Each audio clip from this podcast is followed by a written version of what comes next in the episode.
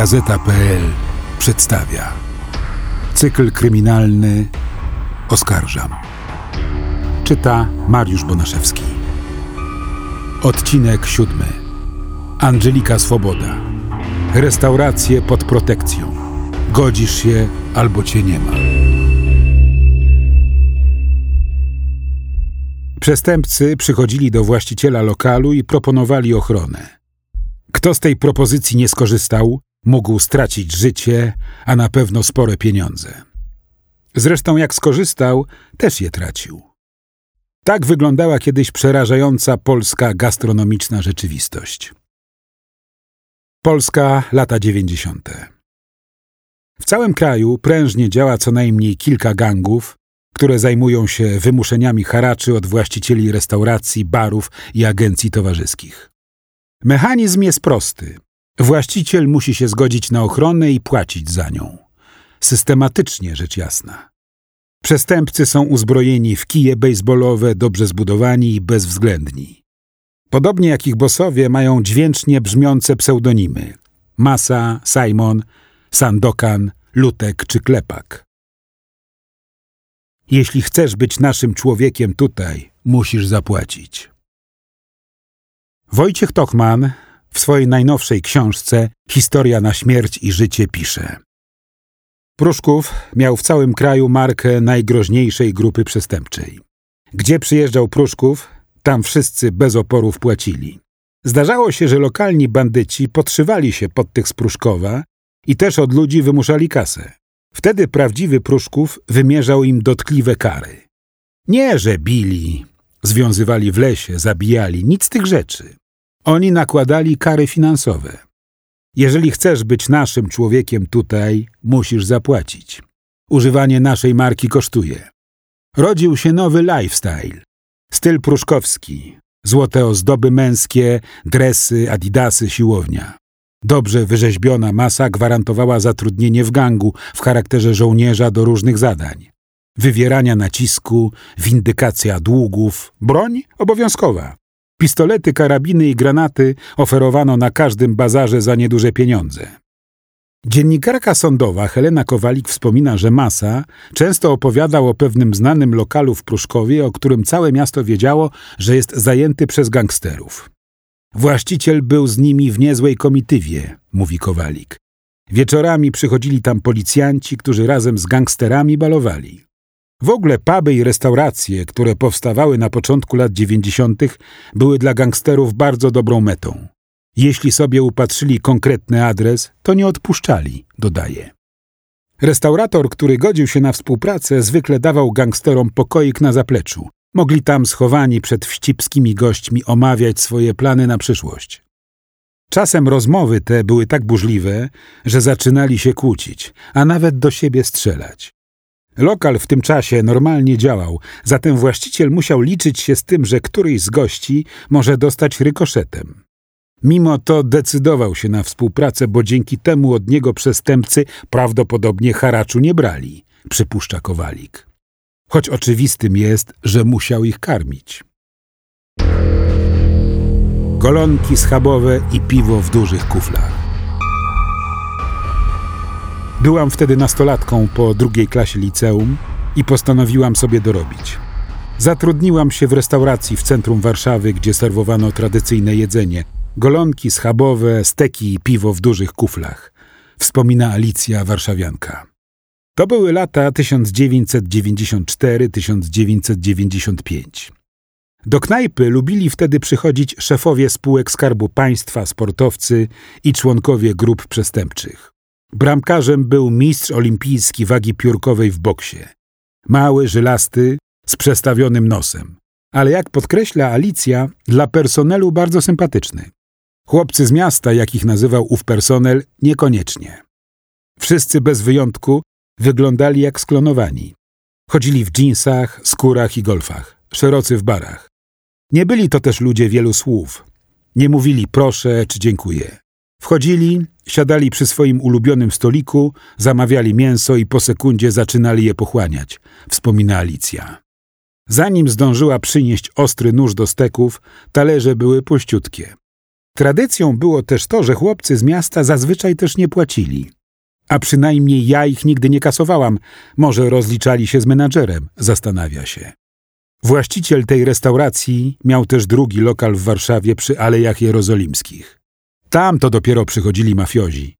Kiedyś była u nas na zastępstwie dziewczyna z tego lokalu. Opowiadała, że gdy jednemu z gości nie spodobało się danie, bez ostrzeżenia pobiegł do kuchni i pobił kucharza, mówi Alicja. Nic dziwnego, że chłopcy z miasta budzili postrach całego personelu. Gdy przychodziłam rano, żeby przed otwarciem posprzątać lokal, na barze widziałam jeszcze ślady kokainy. Na podłodze zostawały często dmuchane lalki, które chowałam do szafy. Czasem jakiś uczestnik imprezy spał pod stołem. Budziłam go i potem przez okno widziałam, jak odjeżdżał drogim sportowym samochodem, wspomina Alicja. Mafia i Magda Gessler Faktu, że gangi wymuszające haracze były w latach dziewięćdziesiątych zmorą restauratorów, nie ukrywa chociażby Magda Gessler. Jak przyznała niedawno w jednym z wywiadów, musiała nawet zainwestować w prywatną ochronę. Podobno bandyci żądali za ochronę jej lokalu na warszawskiej Starówce sporych pieniędzy, ale Gessler się nie ugięła. Zamiast płacić haracz, zatrudniła własnych ochroniarzy, którzy pilnowali jej bezpieczeństwa. Ochrona strzegła też Lary Gessler, która była wtedy dzieckiem. Ja to rozumiałam, gdy rodzice powiedzieli, że to jest potrzebne. Nie wychodziłam na podwórko, nie bawiłam się na placu zabaw, przyznała niedawno sama Lara Gessler. To rozwiązanie wydaje się całkiem rozsądne, skoro restauratorzy, którzy pozwalali gangsterom na zasiedzenie się w swoich lokalach, musieli się liczyć z tym, że co jakiś czas zdarzały się u nich bójki czy strzelaniny. W 2000 roku w jednym z pubów w Nowym Dworze Mazowieckim doszło do porachunków między dwiema grupami gangsterów twierdzakami i modliniakami. Był akurat koniec wakacji. W lokalu planowano festyn dla dzieci. Nie miało to jednak najmniejszego znaczenia dla gangsterów, którzy podłożyli tam bombę. Rano właściciel zauważył, że coś wystaje spod kostki brukowej i zawiadomił strażaków. Zginął on i trzech chłopaków, którzy dorabiali sobie jako kelnerzy, opowiada Helena Kowalik. Krótko później doszło do rewanżu w innym klubie. Zginęło wtedy kilku gangsterów będących w konflikcie ze sprawcami podłożenia bomby. Gangsterzy byli w tamtych czasach wyjątkowo bezwzględni. Nie tylko nie liczyli się z restauratorami, których lokale zajmowali bądź od których wymuszali haracze, ale i z gośćmi, którzy przychodzili tam coś zjeść. Nie przejmowali się tym, że podczas tych porachunków giną przypadkowe osoby, mówi Kowalik. Klepak, lutek, dzik i kręci łapka.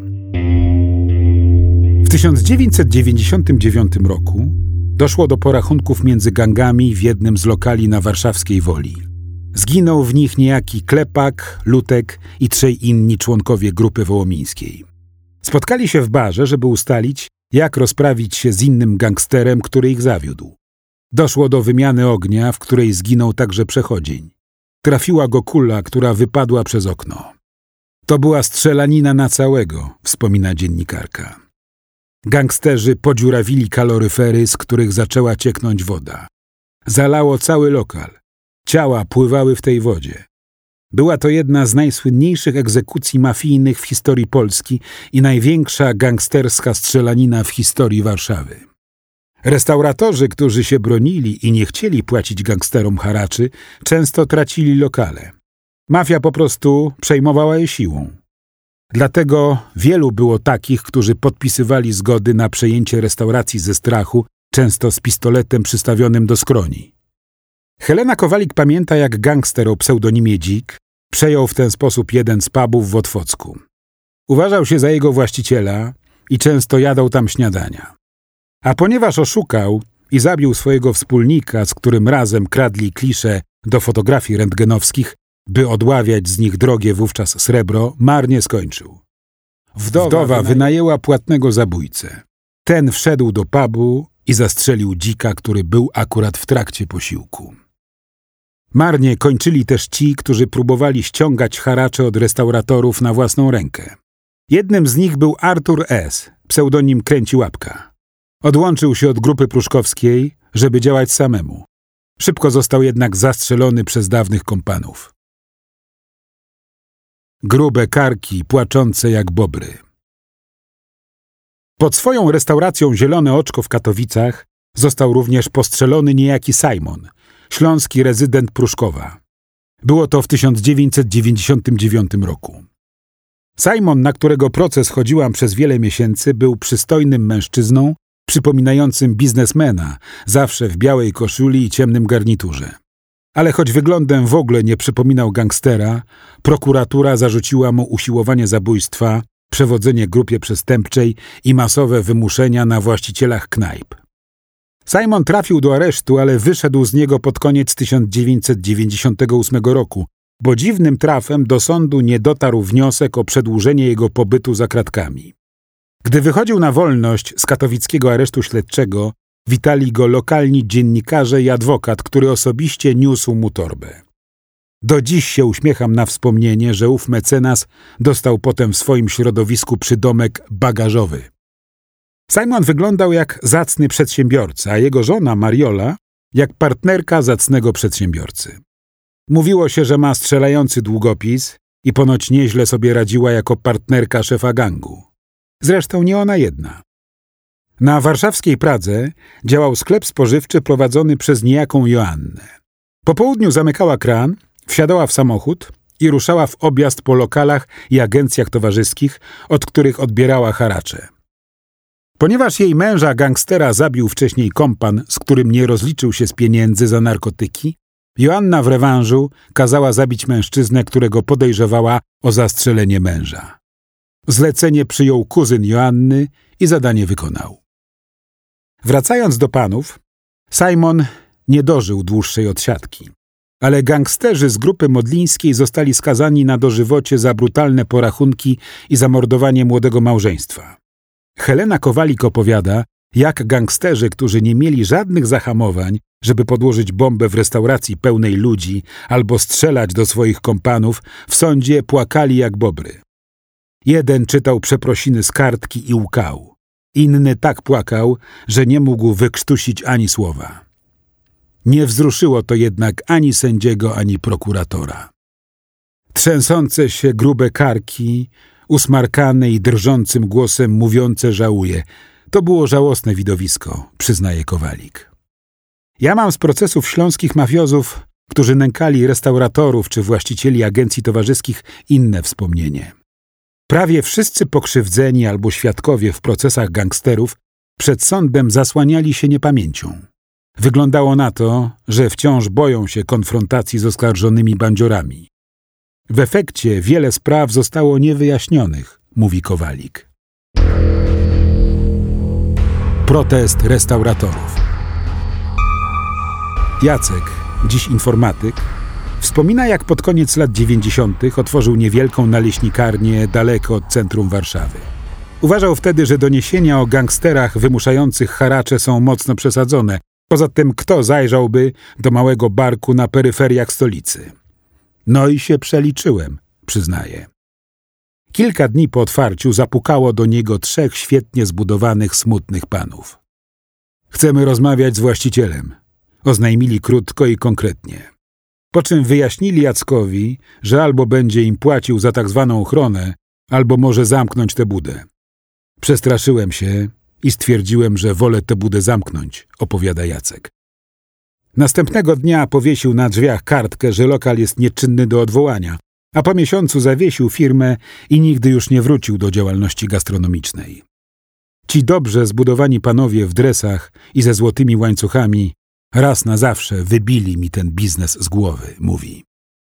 Ale właściciele lokali na warszawskiej Starówce nie zamierzali się tak łatwo poddawać. Gdy gangsterzy bezkarnie demolowali ich puby i restauracje, a policja udawała, że nie widzi problemu, ogłosili protest. Około godziny 12 ulicami Starego Miasta przejechał komendant stołecznej policji Jerzy Stańczyk. Jak się nieoficjalnie dowiedzieliśmy, sprawdzał on stan zabezpieczenia tego rejonu. Jak podała komenda stołeczna policji, około godziny drugiej w nocy doszło do próby wymuszenia haraczu w jednym z pubów na trakcie królewskim. Do lokalu wszedł 27-letni mieszkaniec Warszawy i zażądał pieniędzy. Właściciel dał mu je, ponieważ tamten na poparcie swoich żądań wyciągnął pistolet. a na odchodne poinformował personel, że zostawił w lokalu bombę. Relacjonował ekspres wieczorny. Bezsilni restauratorzy postanowili, że nie otworzą lokali, bo liczyli na międzynarodowy skandal. Stare miasto latem w 1994 roku było bowiem pełne turystów. I choć przełom w ściganiu gangsterów nie nastąpił od razu, po raz pierwszy oficjalnie przyznano, że to mafia, która wymusza haracze. Koniec gangów był już tylko kwestią czasu. Koniec wymuszeń. Magda Gessler mówi, że z mafią jest już święty spokój. Tak samo twierdzą byli policjanci, którzy tropili gangsterów i prokuratorzy, którzy ich oskarżali. Podobno dziś ci, którzy krew ofiar już mieli na rękach, weszli, jeśli przeżyli, w inną, bezpieczniejszą przestępczość. Wraz z nową dekadą gangów wymuszających haracze ubywało. Niektórzy powybijali się między sobą, część trafiła za kratki, a ci, którzy przetrwali, przerzucili się na przemyt narkotyków czy papierosów, napady na tiry i porwania dla okupu. Kilka lat później zajęli się przestępczością gospodarczą, wyłudzeniami VAT-u i oszustwami bankowymi. Zamienili dresy i sportowe buty na eleganckie garnitury, białe koszule i markowe lakierki, a kije baseballowe na laptopy. Rozpoczęła się zupełnie nowa era. Czytał Mariusz Bonaszewski.